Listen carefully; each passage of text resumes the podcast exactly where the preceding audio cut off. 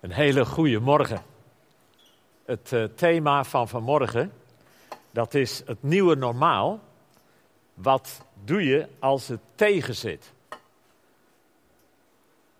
Ik uh, probeer door te klikken, maar dat werkt niet helemaal. Ja, precies, nu wel.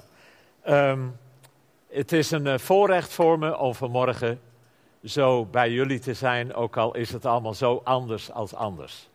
En wat hebben we juist ook de afgelopen weken dat gemist, dat we niet bij elkaar konden komen met de kerstdagen om samen te zingen. Met oud en nieuw om elkaar God zegen voor het nieuwe jaar te wensen. Maar ik ben uh, heel blij dat ik uh, op deze manier uh, toch zo even bij je mag binnenkomen. En als het ware naast je op de bank in de kamer kan zitten. Ik heb, ja, ik heb al wel vijf uitnodigingen gehad van mensen om na de dienst even langs te komen.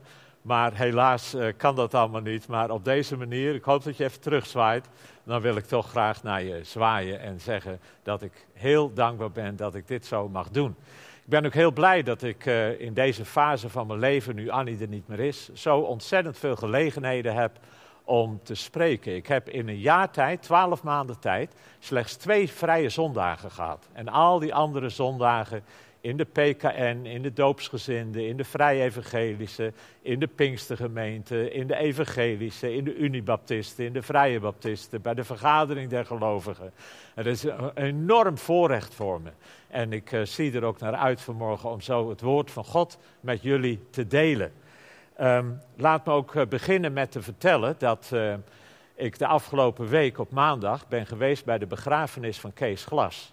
Kees en Rie Glas waren 44 jaar geleden, toen wij betrokken raakten bij de Baptistengemeente in Emmeloord, ook uh, de, een van de allereerste die betrokken raakten bij de Baptistengemeente in Emmeloord. En uh, Kees is op 20 januari, smorgens om 4 uur, overleden. Hij was de avond ervoor gevallen, is naar het ziekenhuis gebracht met een heupfractuur en in de nacht werd er gebeld naar zijn zoon Hans om met zijn moeder Rie Glas te komen en na tien minuten dat ze er waren, is Kees Glas naar de Heer gegaan. En uh, het was een voorrecht voor me om bij de begrafenis aanwezig te mogen zijn. Kees Glas is 90 jaar geworden, heeft een vruchtbaar leven geleid. Um, wat doe je als het tegenzit? Dat is een hele belangrijke vraag. En ik zou jou willen vragen, wat doe jij als het tegenzit? Ga je dan vloeken? Ga je dan schelden? Ga je dan God de schuld geven of ga je God in twijfel trekken? Ja, maar ik heb toch gebeden en nou doet God het allemaal niet? Is God voor jou een soort van Sinterklaas die je je verlanglijstje kan geven? En als hij niet uh, levert, dan schop je de Sinterklaas de deur uit. Wat doe jij als het tegenzit? In uh, Handelingen hoofdstuk 1, daar lezen we. Uh, het eerste boek van Lucas, de schrijver, heb ik gemaakt, o Theophilus, over alles wat Jezus begonnen is te doen en te onderwijzen. Dat eerste boek, dat is het Lucas-evangelie. Lucas is uh, waarschijnlijk de enige Jood die boeken heeft geschreven die opgenomen zijn in de Bijbel. Dat is het Lucas-evangelie en de handelingen der apostelen. En dan schrijft Lucas dus, als schrijver van de handelingen, het eerste boek, dat is het Evangelie naar Lucas, dat heb ik gemaakt over alles wat Jezus begonnen is te doen. In het Evangelie schrijft hij over alles wat Jezus heeft geleerd, wat hij heeft gedaan. Maar dat woord begonnen in het Grieks, dat heeft de betekenis van wordt vervolgd. Met andere woorden, wat hij in de handelingen der apostelen gaat beschrijven, dat is ook wat Jezus doet, nu niet meer door zelf fysiek bij ons aanwezig te zijn, maar door de apostelen heen in de wereld van toen. Maar het is nog altijd het werk wat Jezus doet. En dan staat er in Handelingen 1, vers 14: Deze allen bleven eendrachtig eensgezind volharden in bidden en smeken. Dit staat uh, geschreven van het moment dat Jezus naar de hemel is opgevaren, voordat de Heilige Geest wordt uitgestort En wat gaan de volgelingen van Jezus doen? Ze gaan samen bidden. Dat op zich is heel opmerkelijk. En daar kom ik zo dadelijk op terug.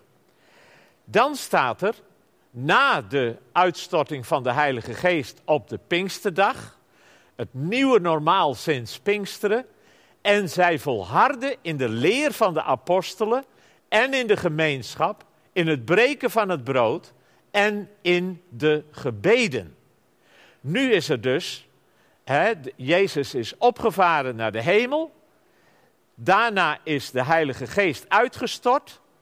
En na de uitstorting van de Heilige Geest lezen we dit.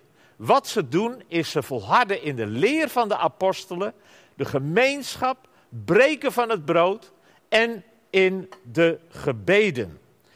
We zien daar dus hetzelfde, dat de volgelingen van Jezus samen bidden. De toon is gezet. En dan zien we hier dat dus bij de eerste christenen het gebed een opvallend grote rol speelde. En ik zeg expres opvallend groot, want als je de evangeliën leest, Matthäus, Marcus, Lucas en Johannes, dan vind je eigenlijk nul referenties aan biddende discipelen. We zien heel veel vermeldingen van Jezus die bad, Jezus die soms morgens vroeg opstond om te bidden, Jezus die soms nachts niet ging slapen, maar de nacht doorbracht in het gebed tot God. En op allerlei manieren zien we dat Jezus dat voorbeeld geeft. Jezus spreekt ook veel over het gebed. Maar nergens zien we dat de discipelen, dat de apostelen bidden. Er wordt nul referentie in de evangelie gemaakt van biddende discipelen. Dus als in de handelingen van de apostelen we zien dat bij de eerste christenen het gebed een opvallend grote rol speelt, dan is het echt opvallend.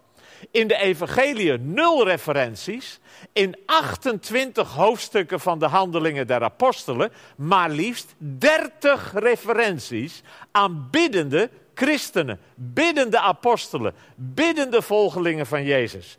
Dus we zien hier dat het een opvallend grote rol speelt. En het is echt opvallend. Ze hebben hun les geleerd. Zij weten, dit is hun levenslijn. Jezus is nu niet meer fysiek bij hun, maar wel is hij in de onzichtbare wereld, is hij bij hun. Zoals Jezus heeft gezegd, zie ik ben met je al de dagen tot aan de voleinding van de wereld. En zij weten, hun levenslijn, dat is nu het gebed. Dat is nu hun omgang, hun zoeken van Jezus, hun spreken met Jezus, hun vragen dat Jezus hun geeft wat ze nodig hebben. Um, Jezus werkt nog steeds, maar nu werkt Hij door hun heen. En daarom is gebed zo ongelooflijk belangrijk. We lezen samen Handelingen 12 en dan lees ik de eerste vijf versen. Omstreeks die tijd sloeg koning Herodes de hand aan sommigen van de gemeente om hen kwaad te doen. En hij doodde Jacobus, de broer van Johannes, met het zwaard. En toen hij zag dat het de Joden wel gevallig was, ging hij verder door ook Petrus te grijpen. Het waren de dagen van de ongezuurde broden. En toen hij ook die gegrepen had, zette hij hem, Petrus, in de gevangenis en gaf hem over aan vier wachten, elk bestaande uit vier soldaten. Dat waren dus vier shifts van elk zes uur. En van elk, elke shift waren het vier bewakers. Zestien man bij elkaar, maar liefst om hem te bewaken. Omdat hij hem na het paascha wilde voorleiden aan het volk. Petrus werd dus in de gevangenis bewaakt, maar, en nou komt het, door de gemeente werd voortdurend voor hem tot God gebeden. Het begint met de mededeling, omstreeks die tijd sloeg koning Herodes de hand aan sommigen van de gemeente om hen kwaad te doen. En hij doodde Jacobus. Zowel de gemeenteleden als Jacobus, die krijgen te maken met koning Herodes. Dit is Herodes Agrippa, de kleinzoon van Herodes de Grote, die over Israël regeerde toen Jezus werd geboren. Um, die Herodes de Grote was een meedogenloze man.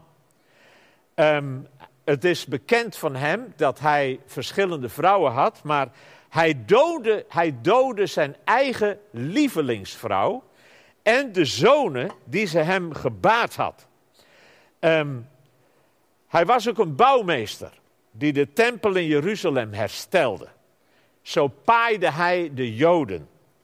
En iets daarvan zien we nu ook terug in zijn kleinzoon, die de hand slaat aan de eerste christenen. En als hij ziet dat de Joden dat fijn vinden, dan grijpt hij ook Petrus. Het is allemaal om de Joden te paaien. Maar niet alleen Herodes de Grote was daarom een meedogenloos mens. Ook zijn kleinzoon, Herodes Agrippa, die kon er wat van. En dan lezen we in vers 3. Toen hij zag dat het de Joden wel gevallig was, ging hij verder door ook Petrus te grijpen. Um, nu is er een, situatie ontstaan in de gemeente waarbij uh, verschillende christenen gevangen zitten. Stefanus is intussen al vermoord en met stenen doodgegooid. En nu is ook nog Jacobus gedood en Petrus gevangen gezet. De gemeente is als een herder, als een, kudde schapen zonder herder. Petrus was samen met Johannes eerder ook al in verhoor genomen door de Joodse leiders in hoofdstuk 4.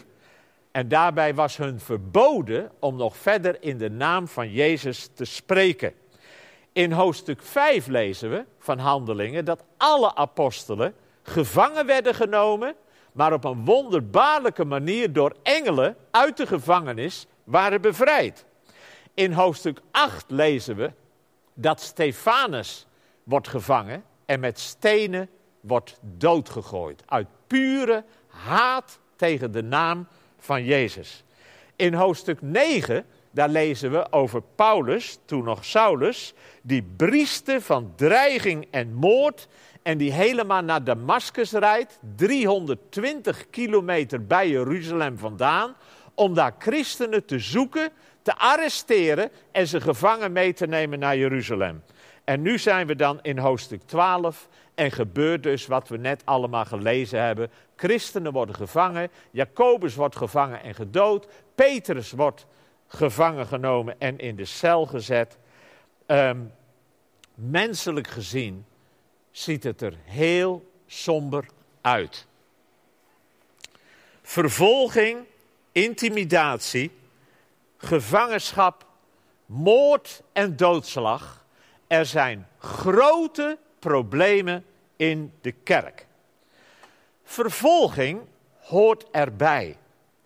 Jezus' volgelingen zijn keer op keer door Jezus zelf al gewaarschuwd dat dit zal gebeuren. Op zoveel plaatsen in het evangelie spreekt Jezus daarvan. Bijvoorbeeld in Johannes hoofdstuk 16, waar hij letterlijk zegt: er zal een tijd komen dat mensen denken God een dienst te bewijzen door jullie te vervolgen. En dan na hoofdstuk 16 komt hoofdstuk 17, waar Jezus bidt, het hoge priesterlijk gebed. En wat bidt hij dan?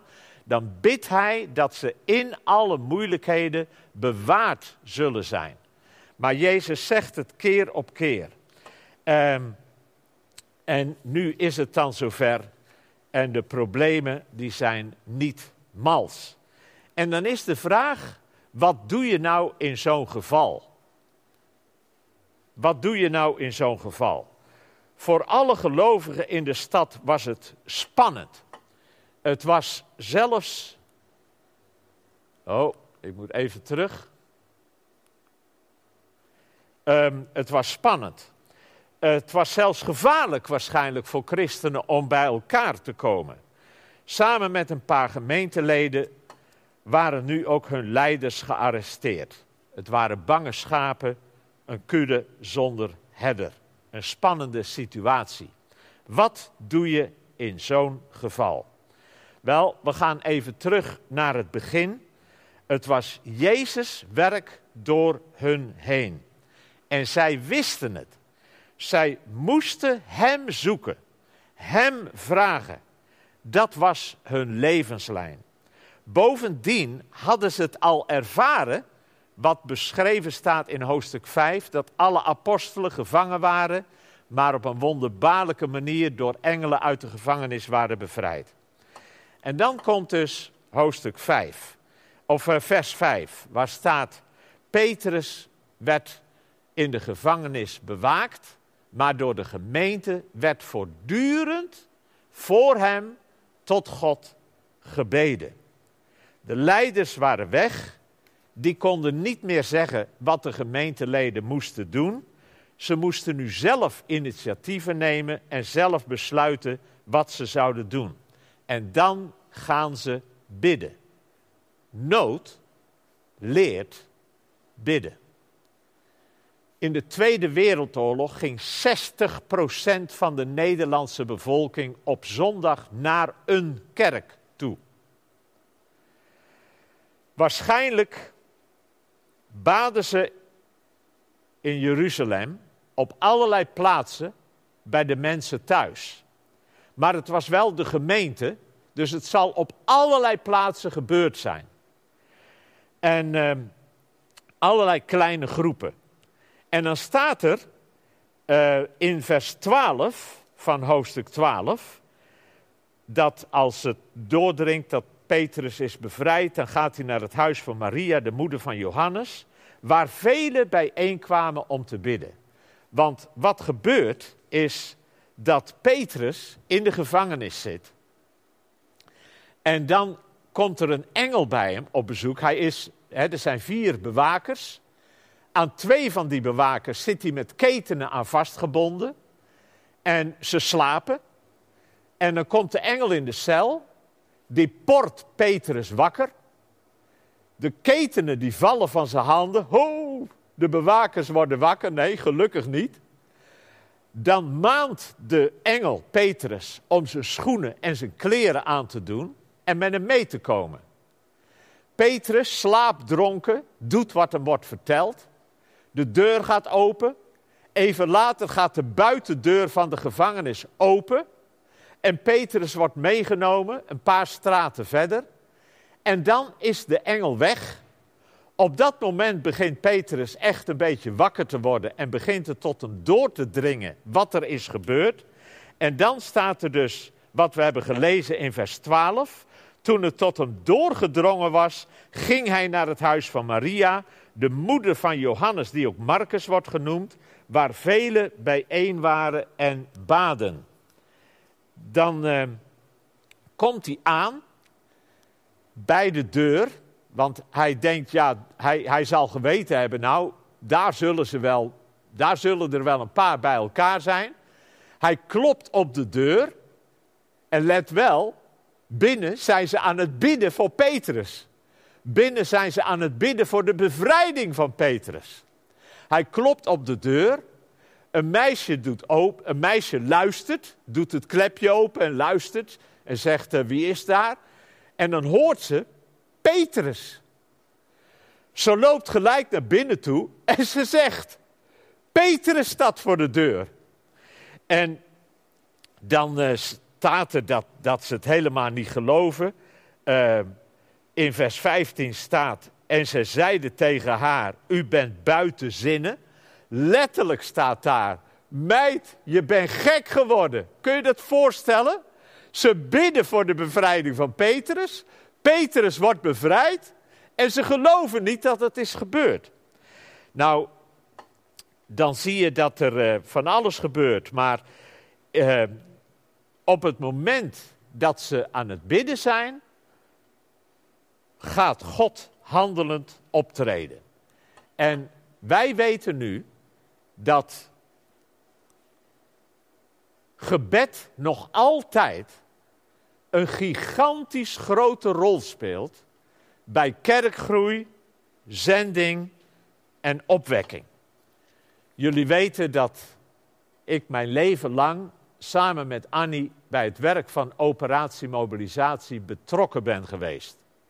Het is nu 44 jaar geleden dat wij naar Emmeloord toe kwamen om hier het kantoor van OM in Nederland te beginnen.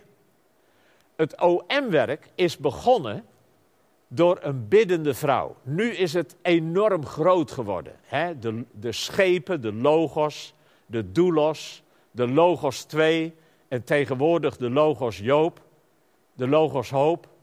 Uh, duizenden mensen in India, duizend mensen in de moslimwereld. Medewerkers in meer dan 100 landen in de hele wereld. Het is zo groot, het is zo omvangrijk. Maar we moeten niet vergeten dat ook bij zendingswerk gebed een hele grote rol speelt. En dat je dat terugziet in de geschiedenis, de ontstaansgeschiedenis van OM. Er was één vrouw, mevrouw Klap in New Jersey in Amerika, die begon tijdens de Tweede Wereldoorlog, toen Amerika tienduizenden mannen en vrouwen uitzond naar Azië om landen van de Japanse overheersing te bevrijden en naar Europa om landen van de nazi-overheersing te bevrijden en die daar hun leven voor gaven, dat mevrouw Klap in die tijd in de oorlog begon te bidden. O Heere God, wilt u toch jongens en mannen, jongens en meisjes uit Amerika uitzenden de wereld in om van Jezus te vertellen? En daar heeft ze 15 jaren lang voor gebeden, onophoudelijk. En toen is, mede in reactie op een Johannesevangelie wat zij had uitgedeeld, in antwoord op haar gebed de 16-jarige George Verwer radicaal tot bekering gekomen. Een aan pornografie verslaafde jongen komt radicaal tot bekering. Hij was voorzitter van de scholierenvereniging. Hij geeft zijn getuigenis op school. 120 scholieren komen tot geloof. En later uit zijn werk, uit zijn initiatieven, is het wereldwijde werk van OM geboren. Maar daarachter zit mevrouw Klap. Eén biddende huisvrouw. Die jaren heeft gebeden. Gebed speelt nog altijd een gigantisch grote rol in opwekking, kerkgroei en zendingswerk. We zien dat ook terug in Nederland. Wij zingen, hè, de ouderen van ons, die kennen de liederen van Johannes de Heer. Liederen als Veilig in Jezus' armen. Of Welk een vriend is onze Jezus. Maar kennen wij ook de verhalen die achter deze prachtige liederen schuilgaan? Um, het was 1905 toen de toen 39-jarige Johannes de Heer samen met anderen in heel Nederland interkerkelijke bijeenkomsten begon te houden. Waarbij het evangelie op een toegankelijke manier werd verkondigd. Waarbij gezongen werd. Waarbij gebeden werd, maar iedereen kon bidden. Niet alleen de dominee die bad voor de rest, nee, iedereen kon bidden. En sommige mensen gaven hun getuigenis. Die vertelden wat Jezus in hun leven had gedaan van die organisatoren van die bijeenkomsten waren sommige van hun in Wales geweest. En hadden daar kennis gemaakt met de Welsh Revival, de opwekking die toen in Wales plaatsvond. Daar werden prachtige liederen gezongen die zij in het Nederlands vertaald hadden en die toen naar Nederland gebracht werden. In wat er in Wales gebeurde, daar was gebed aan de orde van de dag. In één plaats, Elberdare, daar kwamen s'morgens mensen vier uren lang bij elkaar om te bidden voordat ze naar hun werk gingen. Honderd jaar geleden in Wales. En de aanwezigheid van God in die bijeenkomsten was zo bijzonder. Overal in Wales zouden later mensen worden aangeraakt door wat daar gebeurde.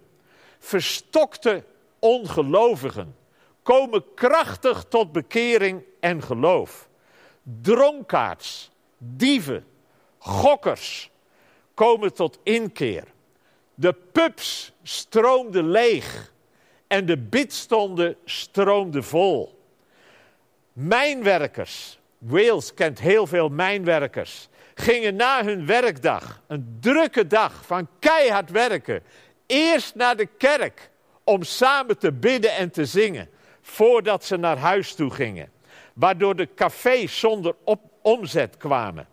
Er is een verhaal bekend dat politieagenten niets te doen hadden en besloten een zanggroep te vormen om van kerk naar kerk te gaan en optredens te verzorgen. Politieagenten die niks te doen hadden. Wat er vandaag in Nederland gebeurt en waar we op de media, via de media van horen met al de rellen, is triest. Maar het is ook heel triest dat mensen zeggen: de kerk heeft afgedaan, God hebben we niet meer nodig, Jezus hebben we niet meer nodig. Oh, mag het toch gebeuren dat wij gaan meemaken wat ze in Wales meemaakten? Dat de politie geen werk heeft, zanggroepen vormt en van kerk naar kerk gaat om op te treden en liederen van Jezus te zingen. Wat een bijzondere tijd. Vanuit Wales heeft die opwekking zich verspreid naar India en naar Korea.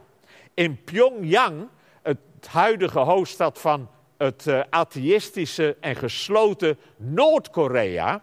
In Pyongyang waren zendelingen bij elkaar voor een week van Bijbelstudie en gebed. En zij hoorden wat er in Wales gebeurde. En toen sloeg ook bij hun de vlam in de pan. Op nieuwjaarsdag kwamen daar anderhalf duizend mensen in Pyongyang bij elkaar om samen te bidden. Ze noemden dat toen een cry to God, een roep tot God. Velen beleden openlijk hun zonde. Iedereen wilde hardop bidden. Zo is daar het bidden, Koreaanse stijl ontstaan. Waarbij iedereen tegelijk hardop bidt en één kakofonie van geluid. Um, het werd, dat werd weer de aanzet tot een grote opwekking in uh, Korea waarbij Pyongyang uitgroeide tot het Jeruzalem van het oosten. Het is nauwelijks voorstelbaar dat dat nu Noord-Korea is.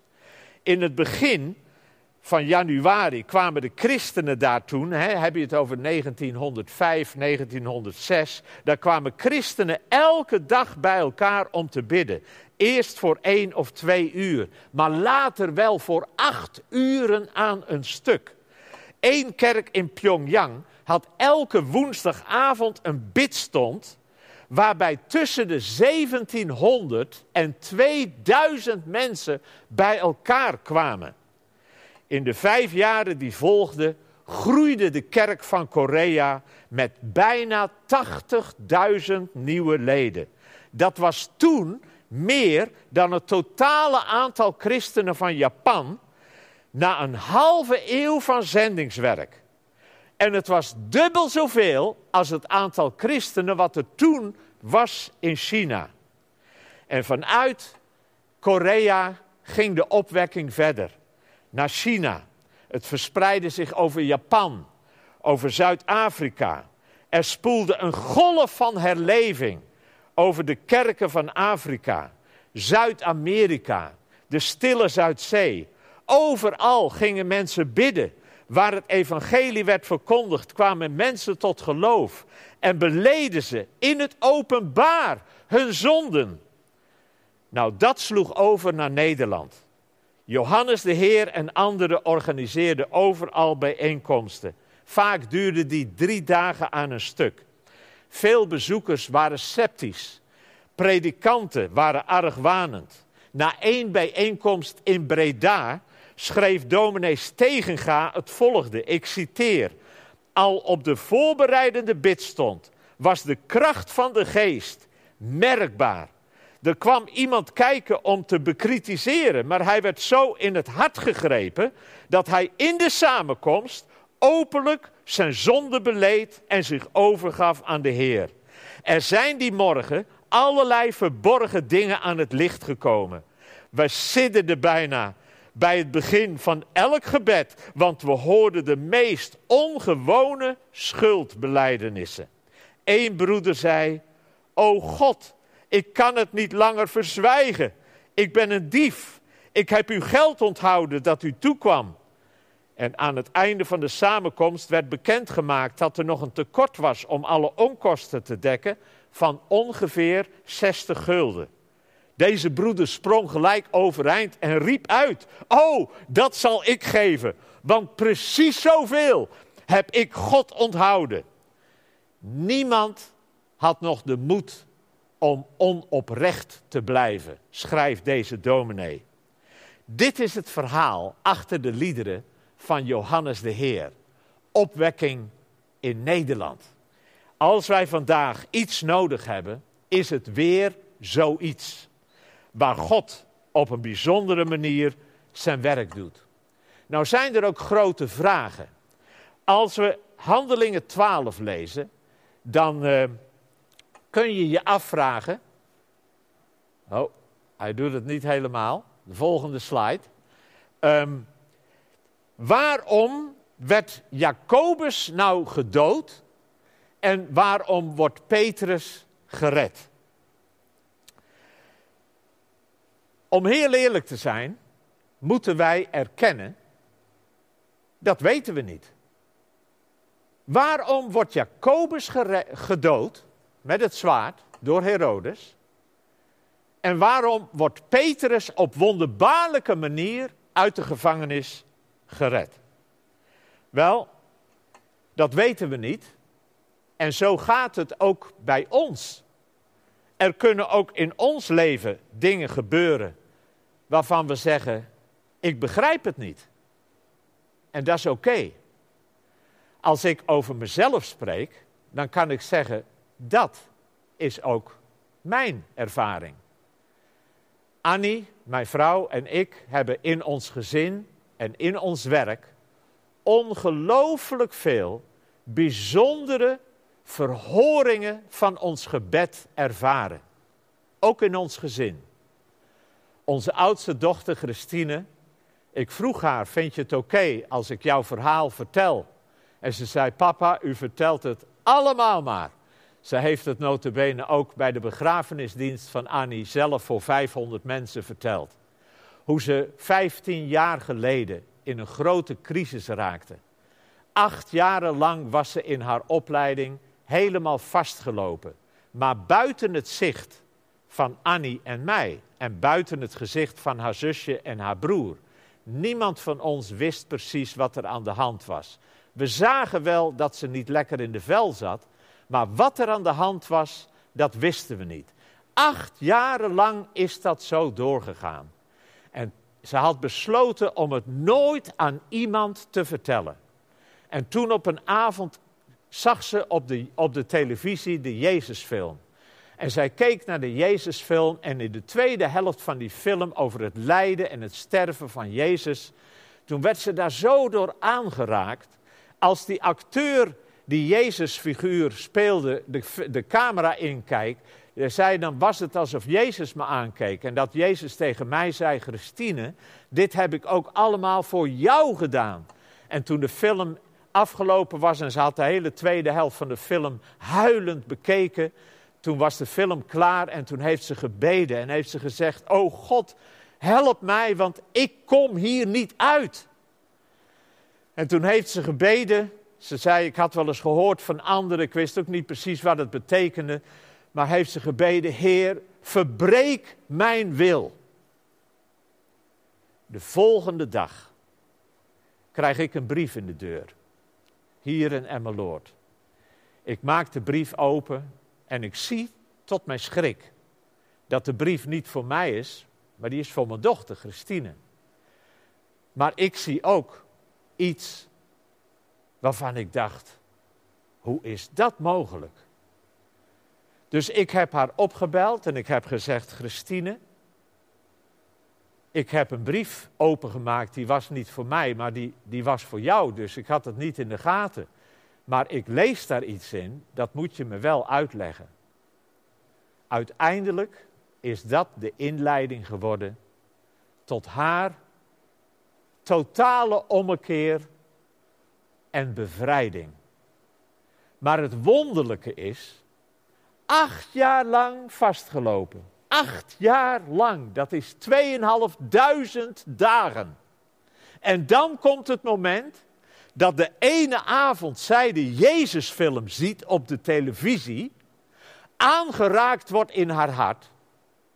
De volgende dag ik een brief per ongeluk openmaak en ook per ongeluk lees wat erin staat.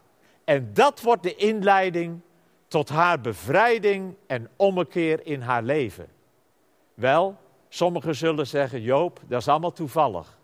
Ik moet zeggen, dan heb ik een heel groot geloof nodig om te geloven dat dat allemaal toevallig gebeurt. Ik geloof dat God dat heeft gedaan. In antwoord op onze gebeden en op Christine haar roep. Heere God, help mij, ik kom hier niet uit. Dat hebben wij ervaren als een van de vele keren dat God gebeden heeft verhoord in ons leven. Ik kan er een boek over schrijven. Maar dan wordt Annie ziek. Het is nu twee jaar geleden. En de diagnose wordt gesteld. Nadat ze een half jaar een foute diagnose heeft gehad, hoort ze dan, mevrouw Strietman, u hebt kanker. Een zeldzame, agressieve vorm van kanker. We hebben veel gebeden, samen met ontzettend veel mensen in de hele wereld. Soms zei ik tegen Annie, Annie, er zijn misschien wel meer dan duizend mensen in de hele wereld die voor jou bidden. En niet zomaar mensen, nee, Godvrezende, mannen en vrouwen.